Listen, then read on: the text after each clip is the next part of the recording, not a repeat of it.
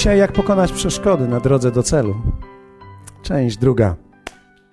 Kto z Was pamięta, co było tydzień temu? Aha, tak, ja wiem o tym, że macie notatki. Może kilka słów, tak, mamy parę słów ściągi, tak, więc dobrze. Każdy ruch, powiedzieliśmy, ma pewien opór. To jest prawo fizyki, ale też jest prawo duchowe. Więc nic dziwnego, kiedy człowiek staje w miejscu, w którym chce osiągać cele duchowe i Boże cele, i chce osiągać cele i rozpoznać wolę Bożą i poruszyć się w stronę woli Bożej w swoim życiu, za każdym razem będziesz miał opór. Dlatego o wiele łatwiej jest odpuszczać w życiu. Porzucić jedną rzecz, porzucić drugą rzecz, porzucić kolejną rzecz, porzucać kolejną rzecz, ale za każdym razem, kiedy coś porzucamy, będziemy musieli odnaleźć to na nowo. Dlatego, że w życiu nie da się porzucić wszystkiego i iść dalej do przodu. Człowiek musi czegoś się uchwycić. Więc powiem tak: lepiej nie porzucać, lepiej jest uczyć się, w jaki sposób możemy jednak, mimo tego oporu i trudności, pójść dalej do przodu i w dalszym ciągu osiągać to, co Bóg chciał i zamierzył dla nas. Widzisz, kiedy będziesz miał cel w życiu, i będziesz się poruszał w jego stronę, rzeczy staną przeciwko tobie. Będziesz miał realnego wroga. I mówiliśmy o Dawidzie, który pokonał Goliata. I mówiliśmy o tym, że tak naprawdę pokonać Goliata to jest rzecz na zewnątrz. I że rzeczy na zewnątrz pokonuje się tak naprawdę o wiele łatwiej niż rzeczy wewnątrz. I w 1 Samuela 17, 34, 37 czytaliśmy ten tekst. Wtedy Dawid odpowiedział Saulowi zaraz przed pokonaniem Goliata. Sługa twój, opowiada swoją historię. Sługa twój pasał owce ojca swego i bywało tak, że przyszedł lew lub niedźwiedź i porwał jagnię z trzody. Wtedy ja biegłem za nim, pokonywałem go i wyrywałem je z paszczy jego. A jeśli rzucił się na mnie, to go chwytałem za grzywę, tłukłem i zabijałem. Oto lwa i niedźwiedzia kładł trupem sługa twój. I ten Filistyńczyk nieobrzezany będzie jak jeden z nich, ponieważ lżył szeregi Boga żywego. I rzekł jeszcze Dawid, Pan, który mnie wyrwał z mocy lwa, czy niedźwiedzia, wyrwie mnie też z ręki tego Filistyńczyka. Rzekł więc Saul do Dawida, idź, a Pan będzie z tobą. Zwróćcie uwagę na ciekawe zestawienie. W tym samym tekście Dawid mówi taką rzecz. Otóż lwa i niedźwiedzia kładł trupem sługa twój, i nagle to zmienia i mówi: Pan mnie wyrwał z mocy lwa czy niedźwiedzia. Dawid jakby stosuje to zamiennie, ale jest w tym wielka lekcja. Z jednej strony mówi: To ja położyłem go, z drugiej zaś strony mówi: Pan wyrwał mnie z paszczy lwa i niedźwiedzia. To jest coś, czego większość wierzących ludzi nie potrafi zestawić. Mianowicie to, że zawsze jest Twoja część i Boża część w każdym wyzwoleniu. W każdym cudzie jest pewna część ludzka i pewna część Boża. Jest miejsce, gdzie ty musisz coś zrobić, i jest miejsce, gdzie Bóg coś zrobi, i ty już nie możesz tego zrobić. Z jednej strony ty musisz się stawić na to miejsce, z drugiej strony Bóg da ci siłę, żeby pokonać tego lwa czy niedźwiedzia. Więc Dawid z wielkim przekonaniem mówi tak: lwa i niedźwiedzia kładł trupem sługa twój. I na tym się skoncentrowaliśmy, dlatego że lew i niedźwiedź są pewnymi symbolami, które możemy czytać w całej Biblii, i one symbolizują takie rzeczy. Pierwsze, lew symbolizuje wewnętrzny głos, ludzki głos, cielesny sposób myślenia. To jest Twój wewnętrzny głos, to jest oskarżenie, które płynie z zewnątrz, to są myśli, które do nas przychodzą. W Nowym Testamencie czytamy, że diabeł jak lew ryczący krąży. I wiemy, że on jest tym, który krąży i oskarża wierzących. Oskarża ich, i wiecie, nie da się oskarżać człowieka z zewnątrz. Znaczy, można, ale to nie jest taki wielki problem. Największy problem jest, kiedy człowiek czuje oskarżenie wewnątrz ten jego wewnętrzny głos, poczucie winy, poczucie oskarżenia, że coś ze mną jest nie tak, że źle żyję, że niewłaściwie żyję, albo że nie jestem sprawiedliwy, albo nie jestem zbawiony. Mówiliśmy o tym, że to jest ten wewnętrzny głos, i ten wewnętrzny głos jest najsilniejszym głosem, który przemawia do ciebie. Powiedzieliśmy również, że ten wewnętrzny Twój głos jest głosem, który interpretuje to wszystko, co nawet ja teraz mówię do Ciebie. Czyli tak naprawdę to, co Ty mówisz do siebie, jest decydujące w Twoim życiu. To, co Ty sam mówisz do siebie w swoim wewnętrznym człowieku. Twoja dusza, Twój głos, to, co jest w Tobie najgłośniejsze, co przemawia do Ciebie, będzie Twoim zawsze największym wyzwaniem. To jest ten lew. To są oskarżenia, ale to są również myśli ograniczające.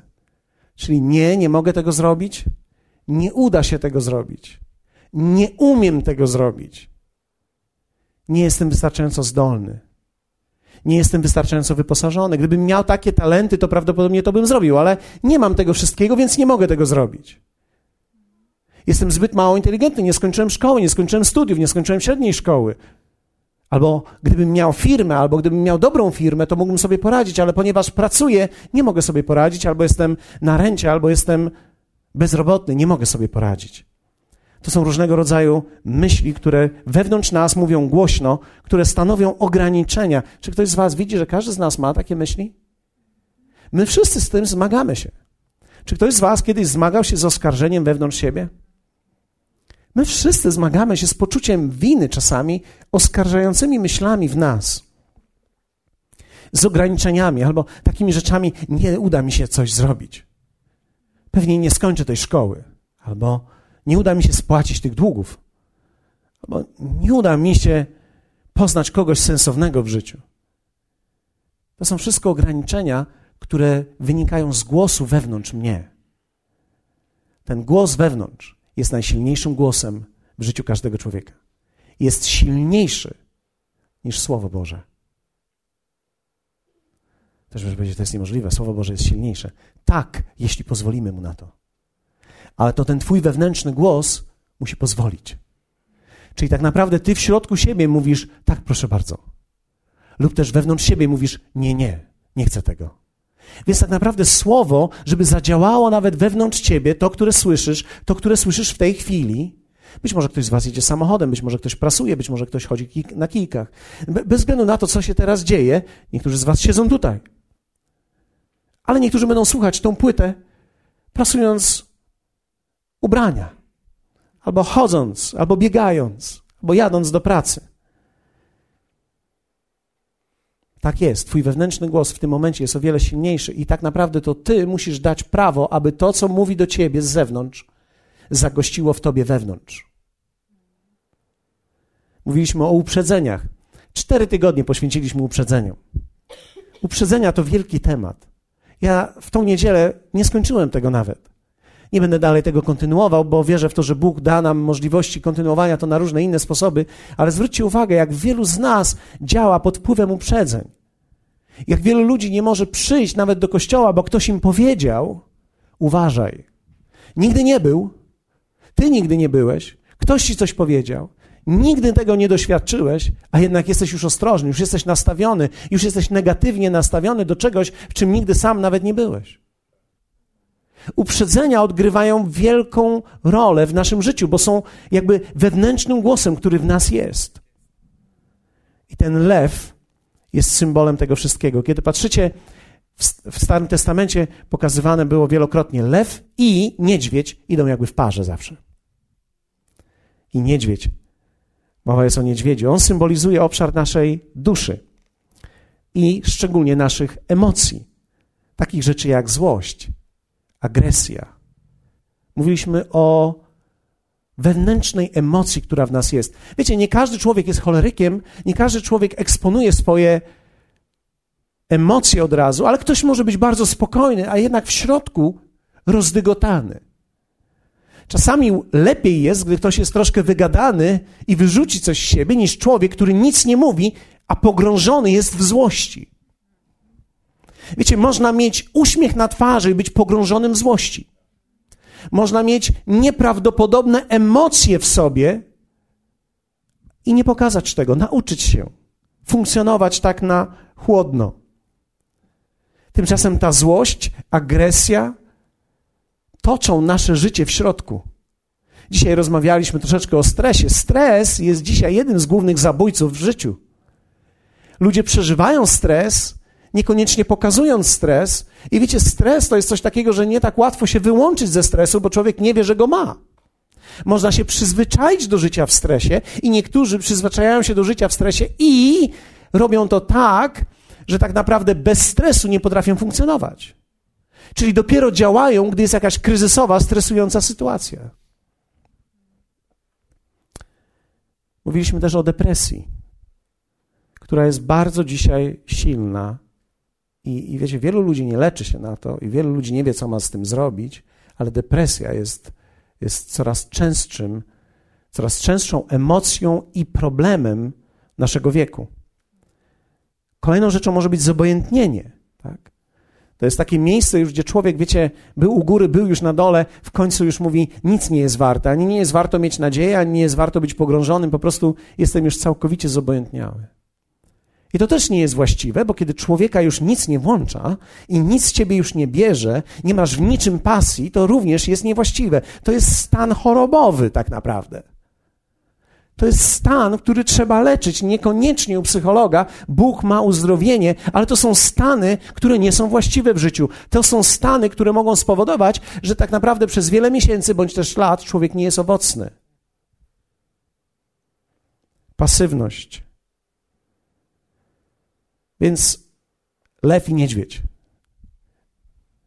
I Dawid mówi: Lwa i niedźwiedzia kładł trupem sługa twój. I to jest dokładnie to, czym się chcemy zająć. My chcemy pokonać lwa i niedźwiedzia. Chcemy pokonać te rzeczy wewnątrz, bo okazuje się, że kiedy człowiek pokona rzeczy wewnątrz, staje naprzeciw Goliata i jest prawie pewny, że go pokona. Dawid mówi: Ten nieobrzezany Filistyńczyk nie ma szans. Dlaczego? Bo pokonałem lwa i niedźwiedzia. Rzeczy, które były trudniejsze dla mnie, o wiele bardziej złożone. Pokonałem je. Dlatego pokonam Goliata. Pamiętam, jak Tony Miller mówił do mnie często, to jest pastor, który jest głosem dla mnie w moim życiu. Mówi tak: Bóg, zanim cię odkryje w życiu i pokaże, najpierw cię ukryje i uformuje.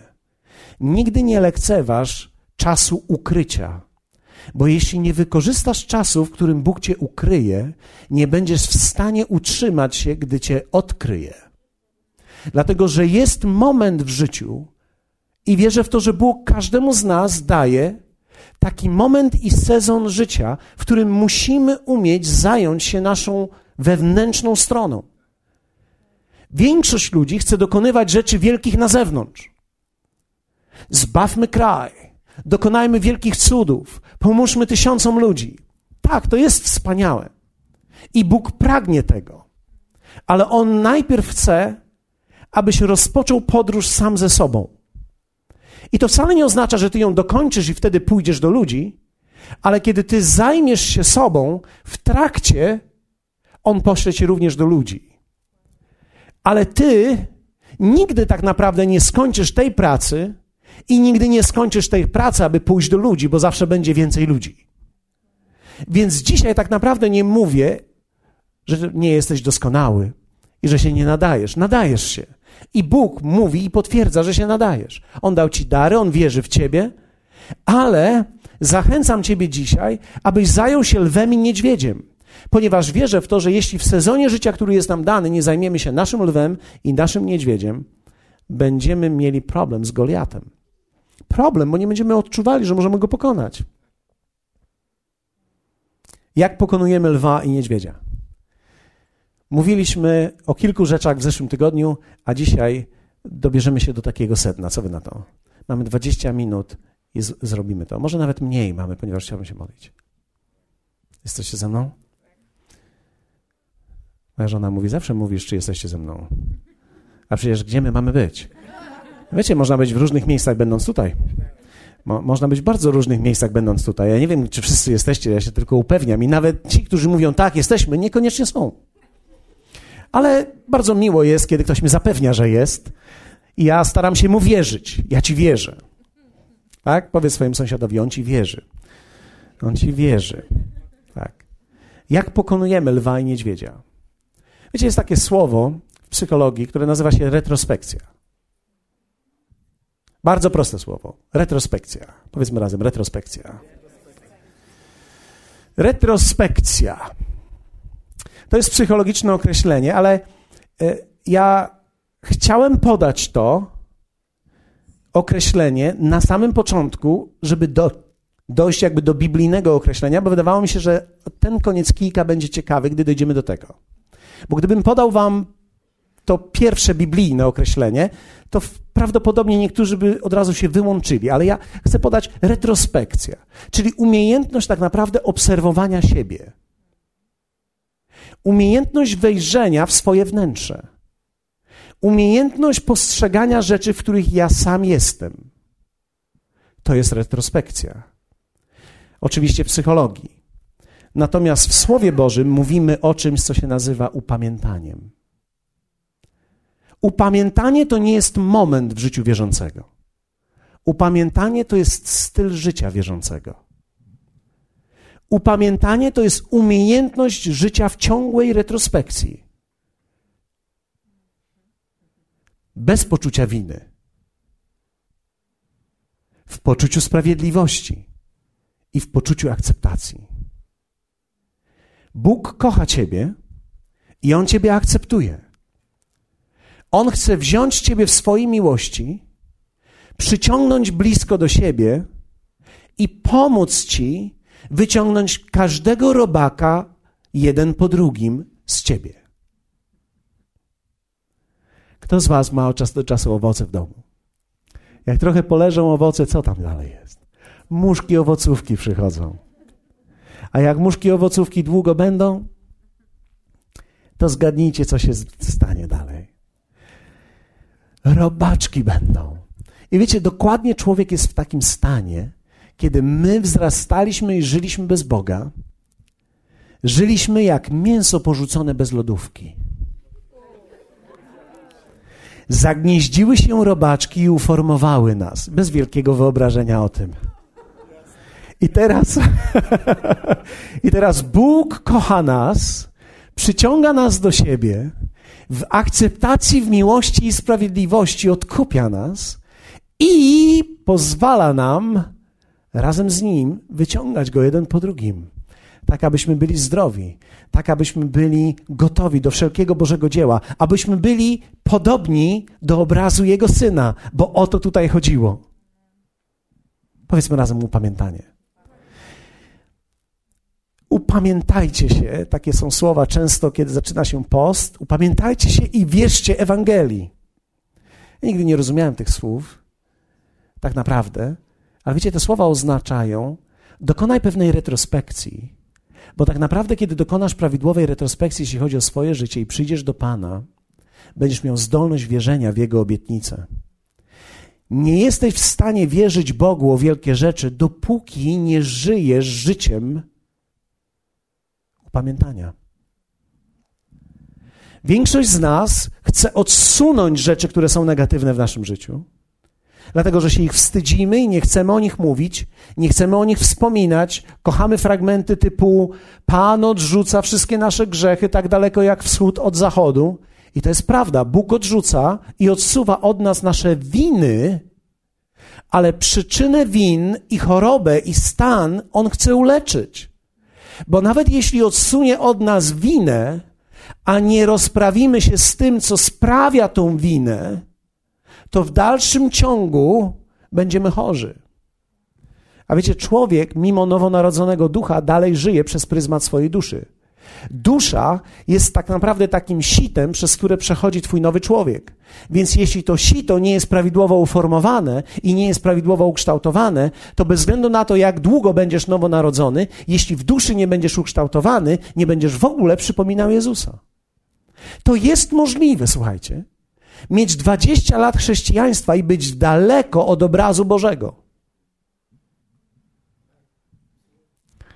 Dziękuję Wam za ten wiwat to jest możliwe być długo w kościele i być daleko od obrazu Bożego. To jest możliwe i tak jest, że ludzie przychodzą co jakiś czas tutaj, są tutaj, nawet od kilku lat, wracają do swoich domów i tworzą tam piekło. Piekłem jest życie z nimi. Ktoś może powiedzieć, to podważa absolutnie to, czy są wierzący, czy nie. Nie. Bóg jest tak dobry, że kocha każdego człowieka i zbawia go. Ale zbawienie nie jest końcem dzieła, jest początkiem dzieła. To nie jest koniec dzieła, zbawienie ducha jest początkiem zbawiania duszy. Jesteście ze mną? Zbawienie ducha i nowe narodzenie daje nam wewnętrzną zdolność i umiejętność do pokonywania i dokonywania właściwych wyborów. Bez tego nie moglibyśmy prowadzić procesu uzdrowienia wewnątrz. Bez tego nie zależałoby nam. Zależy nam, bo otrzymaliśmy Ducha Bożego. I ponieważ otrzymaliśmy Ducha Bożego, zaczynają ranić nas rzeczy, które są w naszym życiu, a nie są z Boga. I każdy człowiek ma takie coś w swoim wnętrzu, w swojej duszy. Jeśli nie wiesz, czy masz, zapytaj żony lub męża. Kto z Was bez żony czy męża może powiedzieć: Tak, mam. Mam parę rzeczy, które mi się nie podobają, pewnie Bogu się nie podobają i nikomu by się nie spodobały, gdybym o nich powiedział. Mamy o takie? Widzę, że Magda nie ma takich. Magda mówi, ja nie. W 2 Koryntian 7, 9, 11 apostoł Paweł mówi tak.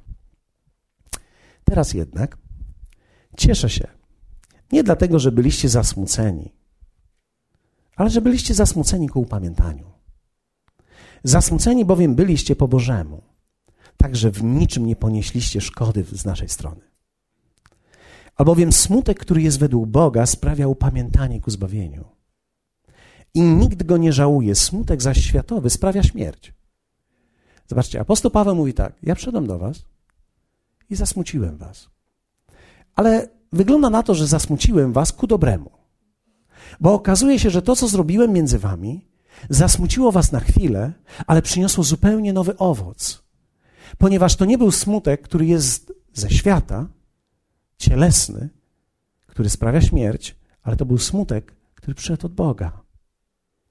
Patrzcie, co ten wasz smutek według Boga sprawił.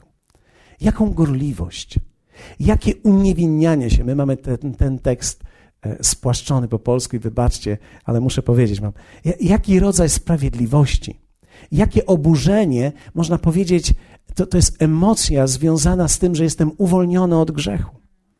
Jaką obawę, i tutaj jest jaki respekt, jaką tęsknotę za Bożymi rzeczami, jaki zapał, i tu mamy jaką karę, ale tak naprawdę to jest w sobie poczucie wzgardy względem grzechu. Pod każdym względem okazaliście się czystymi w tej sprawie. Powiedzmy razem smutek. Wiecie, w kościele nie mówi się często o smutku, mówi się często o radości. Radość to jest podstawa. Chodzi o to, żeby ludzie mieli radość, radość, radość, radość, radość. Ale ja zwróciłem uwagę, że radość zaczyna być pusta, kiedy nie jest prawdziwa. Radość można przereklamować.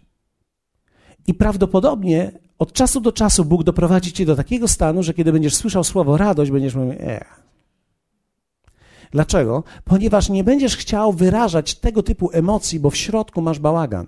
I człowiek nie może w bałaganie wewnątrz wyrażać ciągłej radości jako stanu, wiecie, egzaltacji, bo musi najpierw coś ponaprawiać. Radość nie jest pustym efektem, ale jest tak naprawdę życiem w upamiętaniu i tworzy się radość i radość można w sobie wydobyć, kiedy rzeczy porządkujemy. Czyli upamiętanie ku zbawieniu duszy. Zobaczcie, apostoł Paweł mówi upamiętanie ku zbawieniu. Mówi do ludzi, którzy już są zbawieni. Mówi tak, jakby byli zbawiani. Dlaczego? Bo ty, kiedy jesteś na nowo narodzony, jesteś zbawiony w duchu, ale zbawiany w swojej duszy i będziesz zbawiony w swoim ciele, więc są trzy procesy, które będą miały miejsce w tobie. Jesteś zbawiony w duchu, zbawiany w duszy i o tym on mówi, o duszy człowieka. Twoja dusza, Twój wewnętrzny głos, rzeczy, które się w Tobie dzieją, są bardzo ważne. Nie możesz ich lekceważyć. Człowiek, który je lekceważy, będzie pustym człowiekiem. Widziałem wielu wierzących, którzy doszli do miejsca całkowitej pustki, bo lekceważyli to, co czuli. Wiecie, często słyszymy, nie chodzi o to, co czujemy, chodzi o to, w co wierzymy. Ale jeśli nie sprawdzisz, dlaczego czujesz to, co czujesz, to może cię zabić. Bo jednak uczucie skądś się bierze. I emocje są ważne w życiu człowieka. Nie można ich lekceważyć. Żadnych emocji nie można lekceważyć. Mimo iż nie powinniśmy podejmować decyzji na podstawie danej emocji w danej chwili, to jednak nie powinniśmy lekceważyć, że coś takiego czujemy. Powiem więcej, Bóg często przemawia do nas, dając nam różnego rodzaju emocje. Daje nam emocje smutku czasami, bo to jest dobra i zdrowa emocja, która nas oczyszcza. Wiecie, mój lew i niedźwiedź są produktem grzesznej natury we mnie, która ukształtowała moją duszę. Ja jakiś jestem, ty jakiś jesteś. Pamiętacie, jak mówiłem o tym, jak pewna kobieta przyszła do mnie z naszego kościoła i powiedziała: Ja jestem zołzą, byłam zołzą, będę zołzą. Ja mówię: Nie musisz być zołzą. Ona oczywiście opisywała stan swojej duszy. Dzisiaj nie jest zołzą. Absolutnie nie jest zołzą. Być może była zołzą, ale dzisiaj nie jest. Bo człowiek może zmieniać i kształtować swoją duszę. Więc powiedzieliśmy, że człowiek żyje duchem i wyraża to duszą, dlatego nie można wyrazić dobrych rzeczy w nowym stworzeniu, dopóki dusza nie jest przemieniona. Im więcej idziesz za Panem, tym więcej przemieniany jesteś w Jego obraz. W liście do Rzymian apostoł Paweł mówi tak, bo tych, których przedtem znał, przeznaczył, aby się stali podobni do obrazu Syna Jego, a On, żeby był pierworodnym pośród wielu braci a których przeznaczył, tych i powołał, a których powołał, tych i usprawiedliwił, a których usprawiedliwił, tych i uwielbił. To jest piękne w Bogu, że On nas nie odrzucił z tym całym naszym bałaganem, ale nas przyjął, przygarnął i powiedział: Teraz razem poradzimy sobie z tym. Nie jesteś sam w swojej chorej duszy. Bóg chce ci pomóc. Ale On nie zrobi rzeczy za ciebie. On zrobi te rzeczy razem z tobą. Więc musisz dojść do miejsca, w którym powiesz: lwa i niedźwiedzia kładł trupem sługa twój.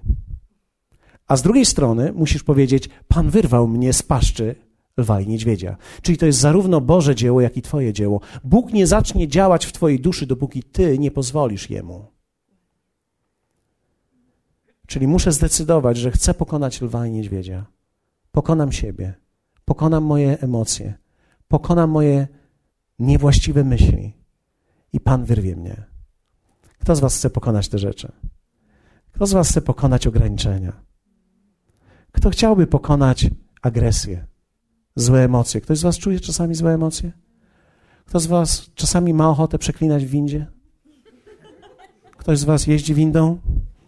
Ktoś z Was ma ochotę czasami przeklinać w samochodzie? Skąd się to bierze? Dokładnie stąd. Nasze emocje potrzebują być wyrażone i my je niesiemy. Pamiętam któregoś dnia rozmawiałem z Mirkiem Buczkiem i on nie zdążył się wyłączyć i Iza coś powiedziała do niego. Poprosiłem ją, żeby dzisiaj usiadła w drugim rzędzie, bo właśnie miałem zamiar to powiedzieć. Jak ja cieszę się, że on nie wyłączył tego telefonu. Cała. Cała Iza wyszła i wtedy pomyślałem sobie, jeśli Iza tak mówi, ja również mam szansę. Ja oczywiście wyolbrzymiam, ale rzeczywiście tak jest. Wyolbrzymiam, bo ją lubię, lubię ich i lubię was. Więc wszystkich, których lubię, znęcam się nad nimi i męczę ich. tak rzeczywiście jest. Najgorzej mają ci, którzy są najbliżej. Jeśli nic dawno o tobie nie mówiłem, zacznij myśleć o tym.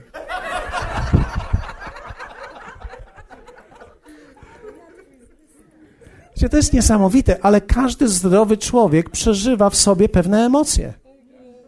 I kiedy przeżywamy te emocje, przeżywamy złość, przeżywamy agresję, później czytamy w Nowym Testamencie, porzućcie wszelką złość. A my tak, no, No do sąsiada, porzućcie wszelką agresję. To nie, no, no. Pół Nowego Testamentu jest o porzucaniu tych, tych rzeczy i o, o tych wszystkich troskach i o zmaganiach i o tych naszych siwych włosach niepotrzebnie czasami, nie pod wpływem starości, ale stresu. Sami interpretujcie mój wygląd. Ja tak naprawdę dokładnie tak to wygląda. I my patrzymy na to i myślimy sobie, to nie o nas, to nie do nas, ale to jest do nas. To jest o Tobie. Bo Bóg pragnie, abyś żył prawdziwym życiem. Abyś czuł się jak Dawid. Abyś czuł się dokładnie tak jak on. Lwa i niedźwiedzia kładł trupem sługa Twój. I ten nieobrzezany Filistyńczyk będzie leżał trupem. Wszyscy patrzą, porównują i mówią, to jest niemożliwe. Jak to jest możliwe, że Dawid, będąc młodym, małym, o wiele mniejszym, miał taką pewność do pokonywania rzeczy na zewnątrz? No właśnie dlatego, że duszę swoją opanował. Dlatego, że duszę swoją opanował i pokonał największego tak naprawdę Goliata w swoim życiu. Pokonał lwa i niedźwiedzia i nikt tego nie widział, ale on wie, że go pokonał. Dlatego chodzi i mówi: Pokonałem ich. Jak to robimy? Pierwsze. Zacznij dostrzegać swoje reakcje. Wiecie, brak świadomości jest najtrudniejszy. Więc kiedy przyjmiesz i powiesz, a już taki jestem, jak mi się nie podoba, to mówię. O, wszyscy mówią, jak im się nie podoba. Jedni tylko mówią na głos, inni krzyczą, a inni w środku sobie. Nikomu nic nie mówią, ale w środku sobie mówią. Wiecie, każdy człowiek mówi, jak mu się coś nie podoba. Nie podoba mi się, zawsze coś powiem. Czy to wyrażę, czy nie, nie ma znaczenia. Brak świadomości miejsca, w którym jestem, jest najtrudniejszy. I brak takiego poczucia odpowiedzialności za to, czyli kiedy myślę sobie, e, ja mam niewłaściwe może reakcje, jestem jakiś taki brutal, prawda, ale to przecież to jaki to jest problem? To jest Artura problem przecież. Gdybym mnie tak nie denerwował, to bym się tak nie zachowywał.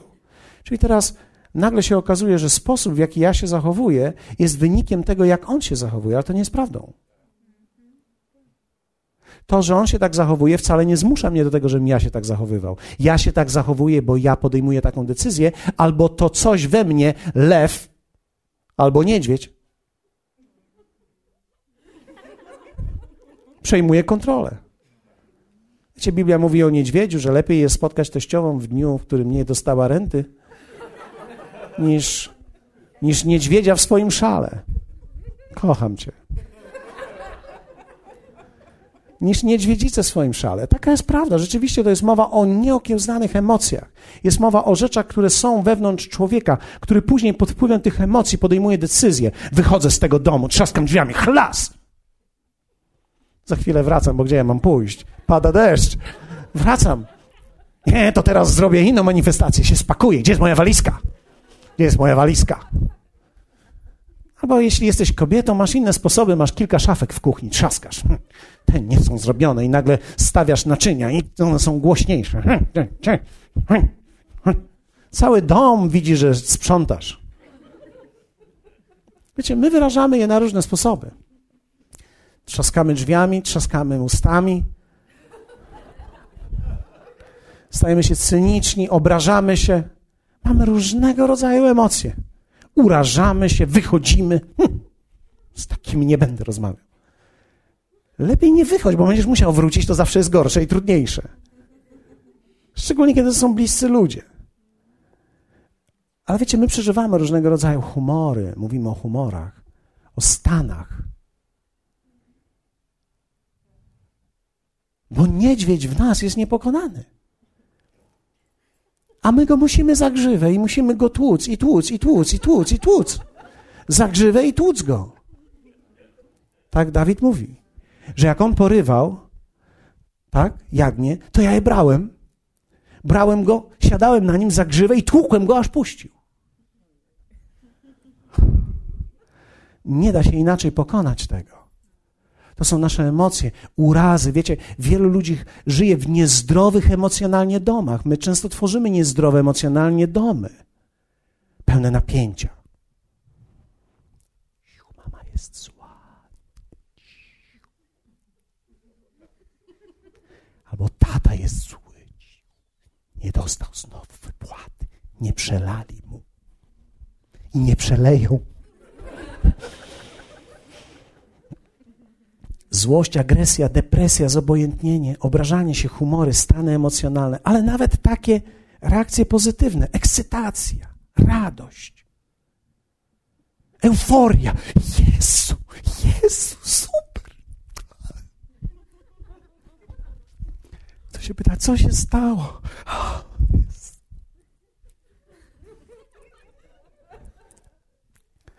Co się stało? Wiecie, i no mogło się nic wielkiego nie stać wcale. Przylali mi premię. Wiecie, to jest piękne mieć tysiąc, dwa, pięć tysięcy więcej na święta. To jest piękne. Ale jeśli popadasz nagle w stan euforii, prawie że unosisz się nad ziemią, ponieważ dostałeś przelew, to znaczy, że coś jest nie tak. Dlatego, że Biblia mówi, będziesz służył Bogu całym swoim sercem i całą swoją duszą.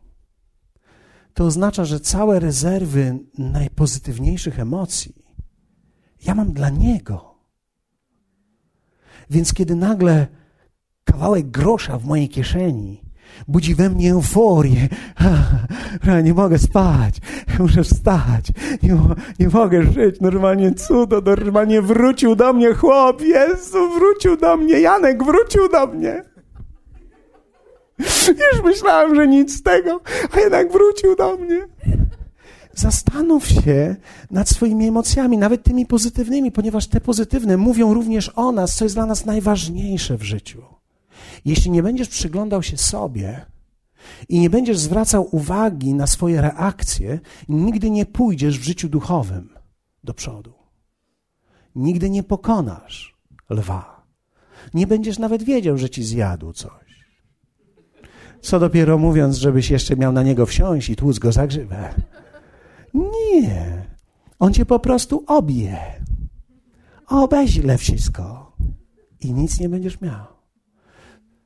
To jak nie? To symbol przeznaczenia, to symbol powołania, to jest symbol Twojego rozwoju, to jest symbol Twoich owoców. To jest to, co się troszczysz. I to są rzeczy, które są wewnątrz nas, które zabijają to wszystko. Więc zacznij dostrzegać swoje reakcje. Drugie, uczyń z reakcji temat swoich spotkań z Bogiem. Wiecie, dzisiaj powiem Wam szczerze, ważna część dzisiaj mojego spotkania z Bogiem to ja względem Słowa. To jest moje lustro. Ja się przyglądam temu. Wierzący nie mogą chodzić bez lustra. Lustrem nie jest dla mnie ktoś. Lustrem jest dla mnie to słowo. Bo wiecie, jeśli ktoś jest dla mnie lustrem, to zawsze dobrze wyglądam. Bo ja sobie zawsze znajdę takie lustro, od którego wyglądam lepiej. Tak? No, tutaj byłoby ciężko, ale ale zawsze kogoś znajdę i powiem, ja lepszy jestem niż tam, tamten, albo tamta. Tamta to jedna jest normalnie, ale ja już lepsza jestem. O. Ale to jest nasze lustro. Wiecie, kobiety to prawdopodobnie rozumieją. Która z was maluje się bez lustra? Nie, nie przyznawać się. No to widać od razu. Kobiety rozumieją, lustro dla kobiet zostało stworzone. Wiecie, my, faceci, no co, wstajemy, jak to ktoś powiedział, otrzepie się i idzie. Oczywiście, że nie każdy. Ale kobieta bez lustra nie może. Tak samo wierzący. Moje reakcje względem innych, ja, ja je obserwuję dzisiaj. Dlaczego na przykład rozmawiając z Izą, kiedy ona. E, przesiadasz się już od dzisiaj? No kogo ja teraz znajdę? kogoś Dobrze, weźmy kogoś innego. Weźmy kogoś innego, niech będzie. Ale kogo ja takiego znajdę dobrego do przykładów? Do, do, do negatywnych przykładów mi dzisiaj pasujesz. Kiedy na przykład e, e, Artur powie do mnie, kiedy Artur powie do mnie, Pa, pastorze, a co z tym? No tak jakoś to dziwnie jakoś zabrzmiało. No wiecie, ja się zastanawiam, dlaczego on to do mnie powiedział. Dlaczego ja się czułem tak, gdy on to do mnie mówił? Dlaczego, kiedy ktoś powie, musimy porozmawiać, ja drżę? Drżę, nie wiem teraz, o czym on chce ze mną porozmawiać. Ja muszę wiedzieć od razu, o czym on chce ze mną porozmawiać, bo ja nie mogę, nie mogę wytrzymać tego stresu, kiedy on mówi, musimy porozmawiać za trzy dni. Ja nie wytrzymam trzy dni. Ja muszę wiedzieć o czym. O czym chcesz ze mną rozmawiać? No niczym, no tak po prostu. Ale o czym chcesz ze mną rozmawiać? Wiecie, ja, ja się dostrzegam dzisiaj to, że jest pewien lęk we mnie. Zaczynam przychodzić do Boga z tym i myślę, dlaczego mam ten lęk? Dlaczego ja się boję człowieka? Dlaczego ja się, co człowiek może mi zrobić, że ja się boję, że on za trzy dni mi coś powie? Co może mi on za trzy dni powiedzieć, co może zmienić dzisiaj moje życie i to, że ty jesteś na tronie i ja razem z tobą? Co może zmienić to? Wiecie, trzeba się umieć przyglądać tym reakcjom swoim, lękom swoim. Przyglądaj się wewnątrz temu głosowi, który cię oskarża. Dlaczego tak coś bardzo przeżywasz? Dlaczego ci na czymś tak bardzo zależy? Albo nawet takie rzeczy jak: dlaczego służę w kościele? Wiecie, trzeba sięgnąć w tą stronę. Dlaczego tu jestem? Ja jestem tu, bo moi rodzice to są. Okej, okay. wyrośniesz z tego. Wyrośniesz. Wyrośniesz z tego i z tego. Jeśli nie odpowiesz sobie inaczej. A więc uczyń z reakcji temat swoich spotkań z Bogiem. Dzisiaj, kiedy spotykam się z Bogiem, szczególnie rano, kiedy rozmawiam z Nim, ja rozmawiam z Nim często najpierw o sobie. O tym, co przeżywam, o tym, co czuję, o tym, co gdzieś wewnątrz mnie gra, o moich pokuszeniach, o rzeczach, które, z którymi sobie nie radzę. Rozmawiam z Nim, przychodzę do Niego z tym. Mówię, Panie, pomóż mi, bez Ciebie sobie nie poradzę. To jest mój niedźwiedź, to jest mój lew. To są rzeczy, które bez Ciebie nie poradzę sobie. I trzecie, rozmawiaj z kimś o sobie i módl się z kimś o siebie. Wiecie, większość ludzi nie lubi o sobie rozmawiać. Nie lubi o sobie rozmawiać, szczególnie w sytuacji, gdy mówimy o słabościach. Kiedy mówimy o pokuszeniach. Nikt nie chce mówić o pokuszeniach. Jak mówimy pokuszenia, to wszyscy myślą, jakie pokuszenia? Jak jedziesz facet z babką i to nie jest twoja żona, sadzaj ją do tyłu, a nie do przodu, obok, tam gdzie jest miejsce żony. Dlaczego? Żebyś nie był kuszony za bardzo. I tak będziesz, ale żebyś nie był za bardzo. Co ty ze mnie robisz? Monstrum? Nie. Ale wiecie, dzisiaj są różne kobiety. I są różne kobiety w świecie. Niektóre, niektóre mają takie spódniczki, że im się po prostu przedburzyła bluzka. I jak ona usiądzie ci z przodu, to będziesz miał problem ze znakami drogowymi. Ktoś może powiedzieć, ja nie mam takiego problemu. Nie masz. Nie masz tego problemu. Mówisz mi, że nie masz tego problemu, czy nie masz tego problemu?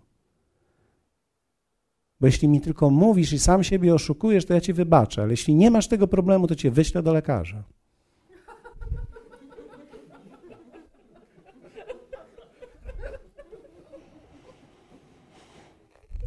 Większość ludzi nie lubi rozmawiać o tym.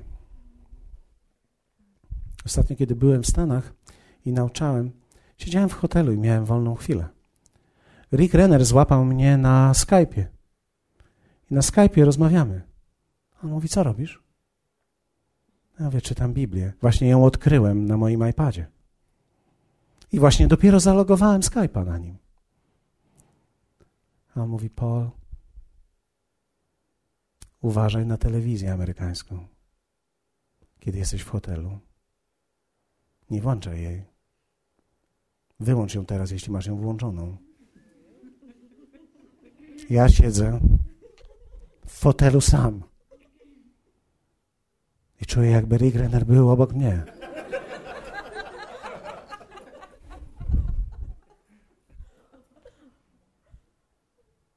I wiecie, wtedy on powiedział tak, jeśli będziesz miał jakiekolwiek pokuszenia, pisz do mnie.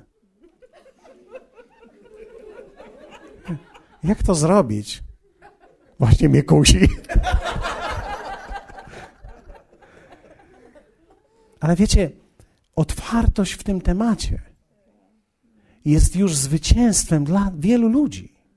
Wielu ludzi nawet o tym nie rozmawia i żyją w swojej ciemności, i lew i niedźwiedź ogryzają ich kostki.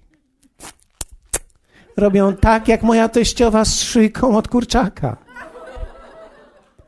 To jest jej ulubiony posiłek. Kurczęca szyjka. Nie wiem, czy to z czasów komunizmu, czy to po prostu z kochania tej szyjki. Ale wiecie, to jest dokładnie to, kiedy żyjesz w ciemności w jakichś obszarach i nie poddajesz ich nikomu i nie masz z kim o tym porozmawiać tak naprawdę, nikt się o ciebie nie modli i nikt nie mówi o tym, że to jest poważne. Wszyscy mówimy, no co to takiego, nic takiego. Okej. Okay. Jakub mówi tak, wyznawajcie wtedy grzechy jedni drugim i módlcie się jedni za drugich, abyście byli uzdrowieni. Zobaczcie, tu nie jest powiedziane, aby było wam przebaczone. I to słowo dokładnie wyznawajcie, to jest greckie słowo exomologeo, które oznacza zdajcie sobie sprawę przed sobą, rozpoznawajcie między sobą. I tu słowo grzechy też nie jest grzechy dokładnie, tylko paraponta, które oznacza pośliznąć się, upaść, to są błędy i urazy. Wyznawajcie swoje tendencje. Mówcie o rzeczach, których upadaliście do siebie nawzajem, i wtedy druga osoba może modlić się o ciebie i będziesz uzdrowiony. Będziesz uzdrowiony. Bóg użyje ludzi, aby uzdrowić cię w niektórych miejscach. Dlatego potrzebujesz ludzi, z którymi możesz rozmawiać o swoich słabościach. O, ja nikomu nie powiem, bo oni wszyscy rozgłoszą to. Oczywiście, jeśli powiesz wszystkim, jeśli ogłosisz na Facebooku, proszę cię, nie rób tego. Ale musisz mieć kogoś, z kim rozmawiasz, to jest twoim partnerem, kogoś, z kim możesz rozmawiać w modlitwie, komu możesz zaufać, wierzącemu, który jest dojrzalszy. Dojrzałe chrześcijaństwo charakteryzuje swoboda i chęć rozmawiania o swoich słabościach i o swoich nietrafieniach, bo w ten sposób pomagamy sobie nawzajem. Widzisz, Twoja droga życiowa to będzie czyjaś mapa to, przez co ty przejdziesz, to będzie mapa, po której inni będą mogli przejść. Dlatego apostoł Paweł mówi tak, jak, ja, ja lubuję się w moich słabościach. Nie, że kocham je, bo one są wspaniałe. Nie. On mówi, ja je pokochałem, ponieważ w momencie, kiedy je odkryłem, one stały się mocną częścią mojego życia. W związku z tym kocham dzisiaj tą sferę, bo ona stała się mocna i ponieważ stała się mocna, lubię o tym mówić, bo wtedy to jest zabezpieczeniem dla ciebie. Kiedy ja ci powiem, z czym ja się zmagam i powiem ci, że to jest realne, to prawdopodobnie zabezpieczę ciebie, bo, bo jeśli jesteś człowiekiem, a pewnie jesteś, to podejrzewam, że przeżywasz podobne rzeczy, które ja przeżywam. I teraz chciałbym, żebyśmy spędzili dwie minuty na koniec, abyśmy się modlili o siebie nawzajem. Abyśmy modlili się o ten taki zwrot ku upamiętaniu w naszym życiu. Ku upamiętaniu, czyli ku rozpoznaniu emocji i ku poddaniu tych emocji tych obszarów Bogu. I modlę się, abyśmy my tutaj mieli dojrzałych wierzących pomiędzy nas, pomiędzy nami, którymi będziemy mogli się dzielić i mówić o rzeczach, których jestem słaby i możemy się nawzajem wzmocnić i dać sobie siłę. I wierzę w to, że to jest właśnie moment, w którym powiemy lwa i niedźwiedzia kładł trupem sługa twój. Dlatego ten nieobrzezany Filistyńczyk. Ach, poradzę sobie z nim. Hallelujah. Powstańmy raz.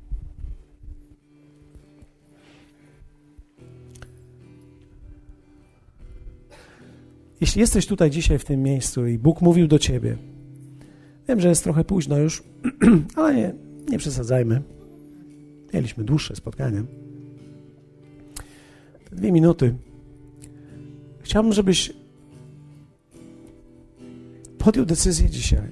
Ja byś poprosił, aby Duch Święty wprowadził Ciebie w ten obszar życia ciągłym upamiętaniem, nie jakimś jednorazowym momentem, ale ciągłą refleksją i nad rozpoznaniem stanu swojej duszy